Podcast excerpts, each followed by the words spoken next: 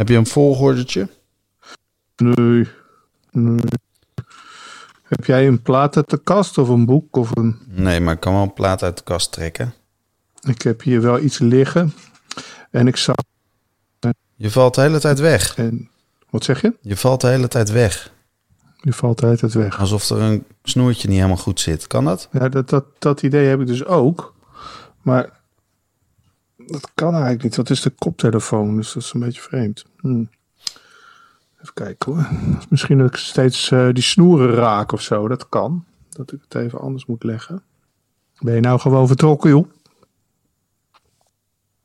Hij is gewoon vertrokken. Oh, daar is hij weer. Huh? Ja, ik denk hij is uh, gewoon uh, is er van tussen vertrokken gewoon. Nee, ik moest toch een plaat uit de kast trekken? Nee, dat hoeft niet. Het kan.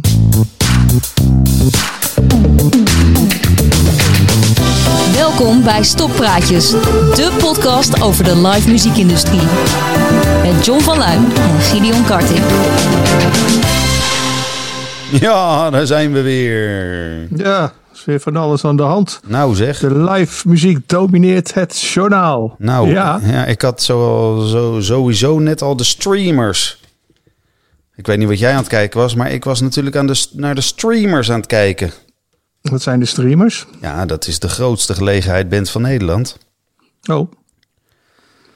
Nou, Akda, De Munnik, Typhoon, Davine Michel, Maan, Snelle, Van Velzen, Kraantje Papi, Guus Meeuwis. Nou. Wie vergeet ik nou nog? Ik Rolf Sanchez, Paul de Leeuw. Allemaal wow. in één grote band. En die zijn op dit moment... We mogen het geen vrienden van Amstel noemen, want het zijn de vrienden van de ING. Maar op dit moment zijn ze met een livestream vanuit Carré bezig. Waar ze alle, alle hits van nu spelen. Nou, Best wel leuk. Ook toevallig. Dat is echt, ik wist het dus echt niet. En ik, ik heb misschien wel iets vergelijkbaars zitten verzinnen van de week. Ik, uh, ik maak ieder jaar de playlist op Spotify voor uh, onder andere Paaspop Festival. En nou ja, dat programma is wel bekend, maar uh, ja, het is natuurlijk een beetje gedevalueerd. het aantal buitenlandse artiesten is klein. Het aantal Nederlandse artiesten is groot. En het aantal Nederlandse artiesten wat echt heel goed is, is ook niet zo heel erg uh, nou, rijk in aantal. Dus ik zat uh, te luisteren achterin volgens uh, Antoon. En dat is geen personage uit de film van Ome Willem, maar dat is een soort Snelle. En Snelle zat er ook tussen. En toen las ik, en toen hoorde ik een, een van de hitjes van Chris Cross Amsterdam. Ja. Met op zang een meisje Pommelien. En toen dacht ik van ja, als ouder hou je er dan geen rekening mee dat je kinderen ook een keer volwassen worden als je ze een naam geeft. Nou, bij het geval Pommelien lijkt me dat je daar niet echt aan denkt. En toen kreeg ik ineens een geweldig idee. Toen dacht ik van... Nou, wacht even. Tenzij, nou, tenzij je natuurlijk uh, bij Appelsientje gaat werken, dan is het een perfecte naam. Dan zit je raak. Ja, je zeker raak. als je daar, daar heb je de, weet ik veel, de, die, die zuurdere variant. Hè? Die heet zelfs zo, geloof ik. Pommeliensap heet dat toch? Mm. Pommetje hoordepiepsap. Nou ja, anyway. Uh, ik bedacht ineens van, hey, dat niveau van die Antoon en uh, ja, dat, dat Chris Cross, dat is uh, Doel heeft dat volgens mij ingezet ooit. Als je dat, dat is een beetje kinderen voor kinderen. En als je nou gewoon kinderen voor kinderen uh, op laat treden op Pinkpop of op Noorderslag. En je laat al die, uh, die ja, wat zich tegenwoordig artiest noemt, zo om de vijf à tien minuten gewoon een guest appearance maken. Dan kan je volgens mij een prachtige totaalshow neerzetten. En heb je al die artiesten ook binnen een uur. En hoef je ze niet allemaal een uur te geven, zodat je misschien het totale programma een beetje opkrikt. Ja.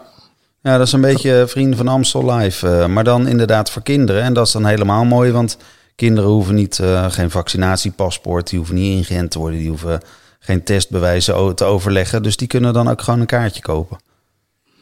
Dat zijn, dat zijn dan meer dan twee uh, vliegen in één klap. Dat zijn uh, dat is gewoon een hele insectenzwerm in één klap. Uh.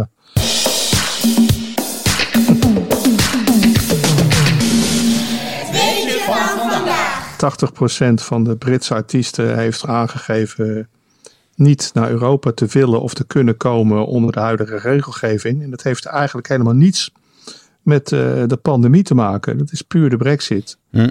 En de kosten die het met zich meebrengt. En uh, de Engelsen uh, hebben tot nu toe aangegeven dat ze dit geen prioriteit vinden. dat ze hier op korte termijn in ieder geval niets aan zullen veranderen. Dus dat is een soort status quo. En dat betekent eigenlijk heel kort door de bocht dat alleen de zeer vermogende Engelse, Britse artiesten de oversteek kunnen maken. Omdat ja, voor hen nog wel uit de, de, de inkomsten valt te, bekostigen. Maar al het kleinere werk, laten we zeggen tot en met het clubcircuit. Uh, nou, misschien dat het bij de grens ligt, misschien bij de Kaiser Chiefs of zoiets. Ik weet het niet. Maar dat alles wat daaronder zit, uh, gaan we gewoon niet op bezoek krijgen. Nee, ik, nou, ik moet eerlijk bekennen. Um, ik, ik pak even een omweg. Maar um, Bruno Mars en Anderson Paak hebben allebei een nieuw project. Dat heet Silk Sonic. Dat is eigenlijk een nieuw muzikaal project van die twee. En dat is gekoppeld aan iets wat uh, door Lacoste is gedaan. Lacoste is een kledingmerk. En Bruno Mars en, uh, en uh, Lacoste en uh, Anderson Paak hebben dus ook een kledinglijn die heet Ricky Regal. Ricky Regal. Nou, het zijn superleuke kleren. Passen mij misschien. En ik dacht, dat wil ik wel proberen. Dus ik, uh, ik natuurlijk op zoek waar kan ik die, die spullen krijgen. Want die zijn natuurlijk maar heel exclusief. En dat kon bij uh, Selfridges in Londen. En ik dacht, uh, ik, ga dat, ik ga dat gewoon bestellen. En ik had voor 200 uh, euro had ik aan, aan kleertjes in de winkelmand staan. En toen wilde ik afrekenen en toen moest ik 350 euro betalen. Want dat was 150 euro brexit kosten. Ja, ja dat, dat, dat is inderdaad in alle geledingen en bij alle, alle handel. En ja, en niemand die er ook maar iets van begrijpt. Het, maar het is wel een. Uh, voor, ook voor de live muziek is dit gewoon iets wat. Ja, wat, wat vreselijk voor ons ligt. Ja, en het is heel simpel. jij geen beentjes, ik geen kleren voor, voor de komende maanden, jongen. Nee, dat gaat zware tijden. Jongens, zit er nog wat in de platenkast? Ja, ik heb er per ongeluk vijf gepakt. Ja, maar ik, ja. ja. maar ik dus en ik heb er eigenlijk twee. En ik wil van deze drie, want ik heb bijvoorbeeld de Web Brothers. Ken je die nog? Nee. Nee, ik dus ook niet meer. Dus daar dat, dat schiet allemaal niet op. En dan nog twee die hebben we al lang gehad. En dan heb ik uh, hier, maar dit, ja, dit is een, het zijn 10 inches. Uh, deze, het B-kantje heet dresscode en de A-kant heet ook dresscode. Uh, vroeger ja. kon dat nog. van de Urban Dance Squad. Ja, ja. En nou heb ik toevallig deze week via Facebook contact gehad met de voormalig zanger van de Urban Dance Squad. Die mij toch, nou, um, de, de drie fantastische woorden toewenste. Go fuck yourself. Gezellig. En, en ja, en ik, ik, maar ik maakte me er geen eens meer zorgen om, want... dat zei hij nu nog, deze week, go fuck yourself? Ja, hij is in ieder geval weer actief bezig en nou, op, op de ouderwetse manier. En nou, ik laat het een beetje aan jou over om te vertellen hoe die ouderwetse manier was. Want ik heb er niet heel veel mee te maken gehad. Maar dat hij nou echt uh, uh, lekker meedoet, zoals de vrienden van Amstel, dat kunnen we in ieder geval een understatement noemen. Nee, nou ja, goed. als je me over de Urban Dance Squad wil laten beginnen, dan zou ik zeggen, heb je even. En ehm, Doe gewoon... het, ra het, rare is dat, dat uh, ja, ik, ik, sta niet meteen te popelen om te denken van nou, laat ik eens wat, uh, wat vuilnis uh, rond of wat leuke, ja, wat leuke dingen misschien wel. Ja, het, het is zoveel te vertellen eigenlijk over die band. Dat, het was in begin jaren negentig gewoon de hotste Nederlandse band. Maar oh, niet alleen hotste Nederlandse band. Het is eigenlijk de enige keer dat we echt een band hebben gehad waar ook uh, Engeland en Amerika naar zaten te kijken van... hé, hey, wauw, hier is iets aan de hand. Er, zijn, er zijn misschien mensen die dit niet geloven en de rest zal het wel geloven... maar Rage Against Machine heeft gewoon letterlijk gezegd... dat zij beïnvloed waren ja. door de Urban Squad. Dat is ja, wel een klopt, dingetje hoor. Klopt. Ja, ik, ik, ik, ik uh, echt, er gaat nu zoveel door mijn hoofd heen. Um, ik, ik, ik, ik maak het gewoon. Uh, ik, ik neem een klein beetje afstand en ik vertel iets, iets aparts. Wat, uh, wat altijd het verhaal was van Anouk was dat zij uh, zo goed kon zingen en zo goede, goede sound. Alles was goed, behalve haar live band. Daar was altijd een beetje kritiek op, aan het begin althans. Hè. In Nederland en, of? Uh, ja, ja, ja, in Nederland, ja zeker. En uh, ja, dat was, vond ik ook wel terecht. Het was, ze had gewoon in het begin niet zo'n hele, hele strakke band. Maar op een gegeven moment kreeg zij Silvano en René van Barneveld van de Urban Dance Squad. Want die waren net met de band gestopt in de band. Ja, en dan heb je dus eigenlijk topmuzikanten. Had je dus op, dat moment golden zij toch wel als de gitarist en de bassist van Nederland. En zij gaf een fantastisch optreden op, uh, op Pinkpop. En daarna ontsloeg ze de band. En uh, ze liep eigenlijk uh, nou, nog niet, net niet vloekend de trap af. Maar ze was zeer ongelukkig, werd ontevreden met over hoe het gegaan was. En vervolgens ging ze bij haar vriendje kijken. Op dat moment haar vriend uh, Anonymous Miss. Die had, was natuurlijk de postman. En die speelde iets later in de tent. En die kwam van het podium af. En Anouk die kwam echt zo op hem af van... Ja, maar dat was geweldig en zo wil ik het ook. En die uh, Anonymous die liep eigenlijk alleen maar te klagen en te klooien en te kankeren over zijn, zijn bandleden die het allemaal verkloot hadden. En ja, Anouk vond dat helemaal niet zo slecht. Ik denk wel. Aan te geven hoe je, hoe je perceptie kan zijn ja, dingen. Ja,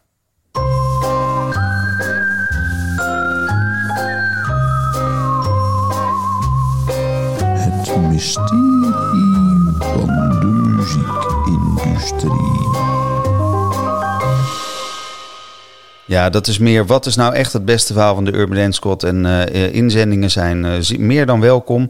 Ik vond uh, in ieder geval het mysterie van dit verhaal wel... hoe jij in godesnaam een verhaal over de Urban Dance Squad kan ombuigen... naar een verhaal over Anouk. En Postman. En Postman. Dus dat vind ja, ik toch kan, kan daar van alles naartoe ombuigen. Moeten wij, moeten wij het niet hebben over het volgende onderwerp? Ja, we moeten het even over de verkiezingen hebben, toch? Of ja, niet? nou ja, dat kan.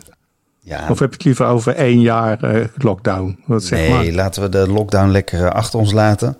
En laten we het. Nou ja, wat, het viel mij gewoon een beetje op. Dat in de laatste paar dagen. De laatste paar dagen van de verkiezingen. Dat ineens de, de, nou, mijn netwerk uit de muziekindustrie. op de social media's. Uh, ineens toch wel heel erg met Sylvana aan het, aan het gooien waren. En vooral haar partij bijeen. Ja. En. Um, ik heb meestal wel een mening zonder dat ik echt precies weet hoe, het, hoe iets zit. Maar ik dacht in dit geval toch van, ik ga toch dat partijprogramma eens lezen. En dat heb ik even bekeken. Heel verstandig. Heel verstandig. Um, heb ik trouwens niet gedaan bij degene waar ik op heb gestemd. Dus wat dat betreft... Uh, uh, ja. Misschien ook wel heel verstandig. Misschien ook heel verstandig. Maar uh, wat mij opviel is dat het partijprogramma van uh, Bijeen en van Silvana... dus dat dat, dat specifiek op cultuur, media en kunst ja. op cultuur, media en nog wat. Dat, dat, dat, dat was gewoon echt, nou, dat sloeg helemaal nergens op. Dat was niet meer, nou, dat ging over twee punten. Eén, um, nou, dat je niet mag discrimineren en racisme moet worden uitgebannen. Maar dat staat volgens mij in, in elk partijpunt van die partij. Ben ik het ook volledig mee eens. Kan je, hè, kan, kan je niet, maar dat stond eigenlijk al in het, in het voorwoord. En het tweede punt was dat de Fair Practice Code toch echt wel heel belangrijk was. En dat, uh, nou, dat daar uh, flink voor geknokt moest worden. Eigenlijk een code die allang uh, doorgevoerd wordt. En waarvan iedereen al zegt dat het misschien helemaal niet handig is. En dat het niet helemaal, niet helemaal werkt. Maar dus dat zijn dan de enige twee punten. Dus ik vraag me dan toch een beetje af waarom mensen in de muziekindustrie. Of in ieder geval in mijn netwerk dan ineens zo keihard lopen te roepen dat we op haar moeten stemmen. En prima, iedereen moet doen wat hij wil en iedereen heeft gedaan wat hij wil en dat is allemaal perfect. Ik wil daar ook niet een waardeoordeel aan. Maar het viel me gewoon op. Ik vond, ik vond mm. interessant. Nou ja. Ja, goed, ik, ik, ik denk van er komt vanuit de boeren komt een of andere ongelofelijke idioot mens. En uh, ja, wat kan je het beste doen? Dan kan je het beste vanuit de andere kant uh, ook maar een idioot mens tegenover zetten. Zodat dat we misschien elkaar een beetje in evenwicht houdt. Uh, sowieso denk ik dat een luizende pels vanuit deze hoek, vanuit de antidiscriminatiehoek, helemaal goed is. Zeker. En over die twee, en over die twee punten waar je het over hebt, ja, luister, kijk, dat inclusieve gedrag van hè, vrouwenquotum op het podium, aantal donkere muzikanten, als jij gewoon vanuit je hart uh, programmeert, dan is het, we mogen het er niet over hebben, maar dat is net als met voetbal, dan komen er vanzelf, komt er een natuurlijke verhouding uh, rassenstanden uh, op je podium te staan. Omdat namelijk muziek is een universele taal. En of je nou Chinees bent of Afrikaan of je komt uit IJsland. Je, kan allemaal dat momentum hebben in je leven dat je een paar jaar fantastische muziek maakt. En als jij integer programmeert, dan haal je dat op je podium. En ik denk dat het ook wel bewezen is dat het altijd zo gaat en gegaan is. Dat dat dus helemaal niet dat setje nodig heeft. Al denken sommige mensen daar misschien anders over. Nou, daar heb je inderdaad gelijk. Is een beetje overdreven. Het andere, de fair practice. Eh, leg dat nog eens precies uit, want jij kan het beter dan ik. Waar staat dat precies Nou, dat, ja, dat, dat is een heel uh, verhaal. Maar in de basis komt het erop neer dat iedereen die op een podium staat en die er... Uh, nou, in de basis, iedereen die op een podium staat moet op een gelijke en gelijkwaardige manier worden betaald. Dus dan heb ik het niet alleen over vrouwen, of ja. over, maar dan heb ik het over muzikanten moeten gewoon betaald krijgen voor wat ze doen. En dan mag je eigenlijk kaartjes worden verkocht. Ja, je mag eigenlijk geen. Kijk, een klassiek orkest die krijgt bijvoorbeeld betaald voor repetities en voor uitvoeringen, et cetera, et cetera. En dan vinden ze het een beetje raar dat een voorprogramma in de Melkweg uh, maar 150 euro krijgt. Ja. Terwijl ze daar met vijf man uh, een, busje moeten huren. En heel goed bedacht en uh, absoluut niet uitvoerbaar, maar de, de gedachte erachter is prima. Um, ja, nou maar ik vind het niet echt een landelijk partijpunt om daar nou. Uh, hè? Nee, zeker niet. En sterker nog, het, het, het werkt gewoon corruptie in de hand. Hè? Want kijk, dit, dit gaat helemaal niet over wit of zwart trouwens. Dit gaat gewoon over slim of niet slim.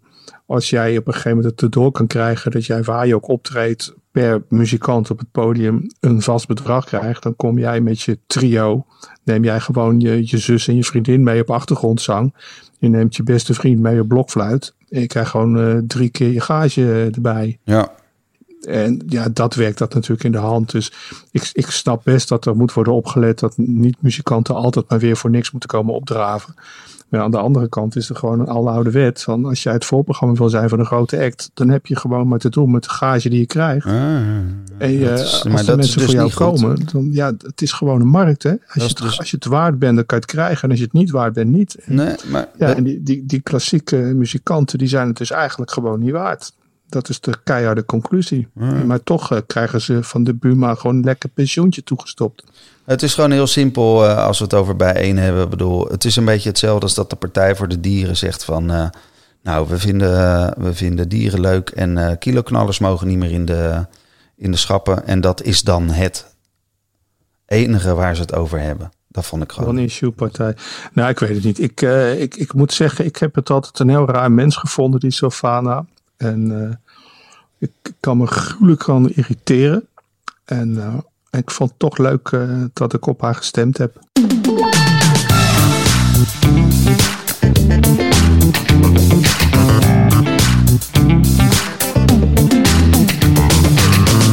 Dank voor het luisteren naar misschien wel de beste aflevering van Stokpraatjes. Word daarnaast vooral lid en vind ons leuk. Tot de volgende.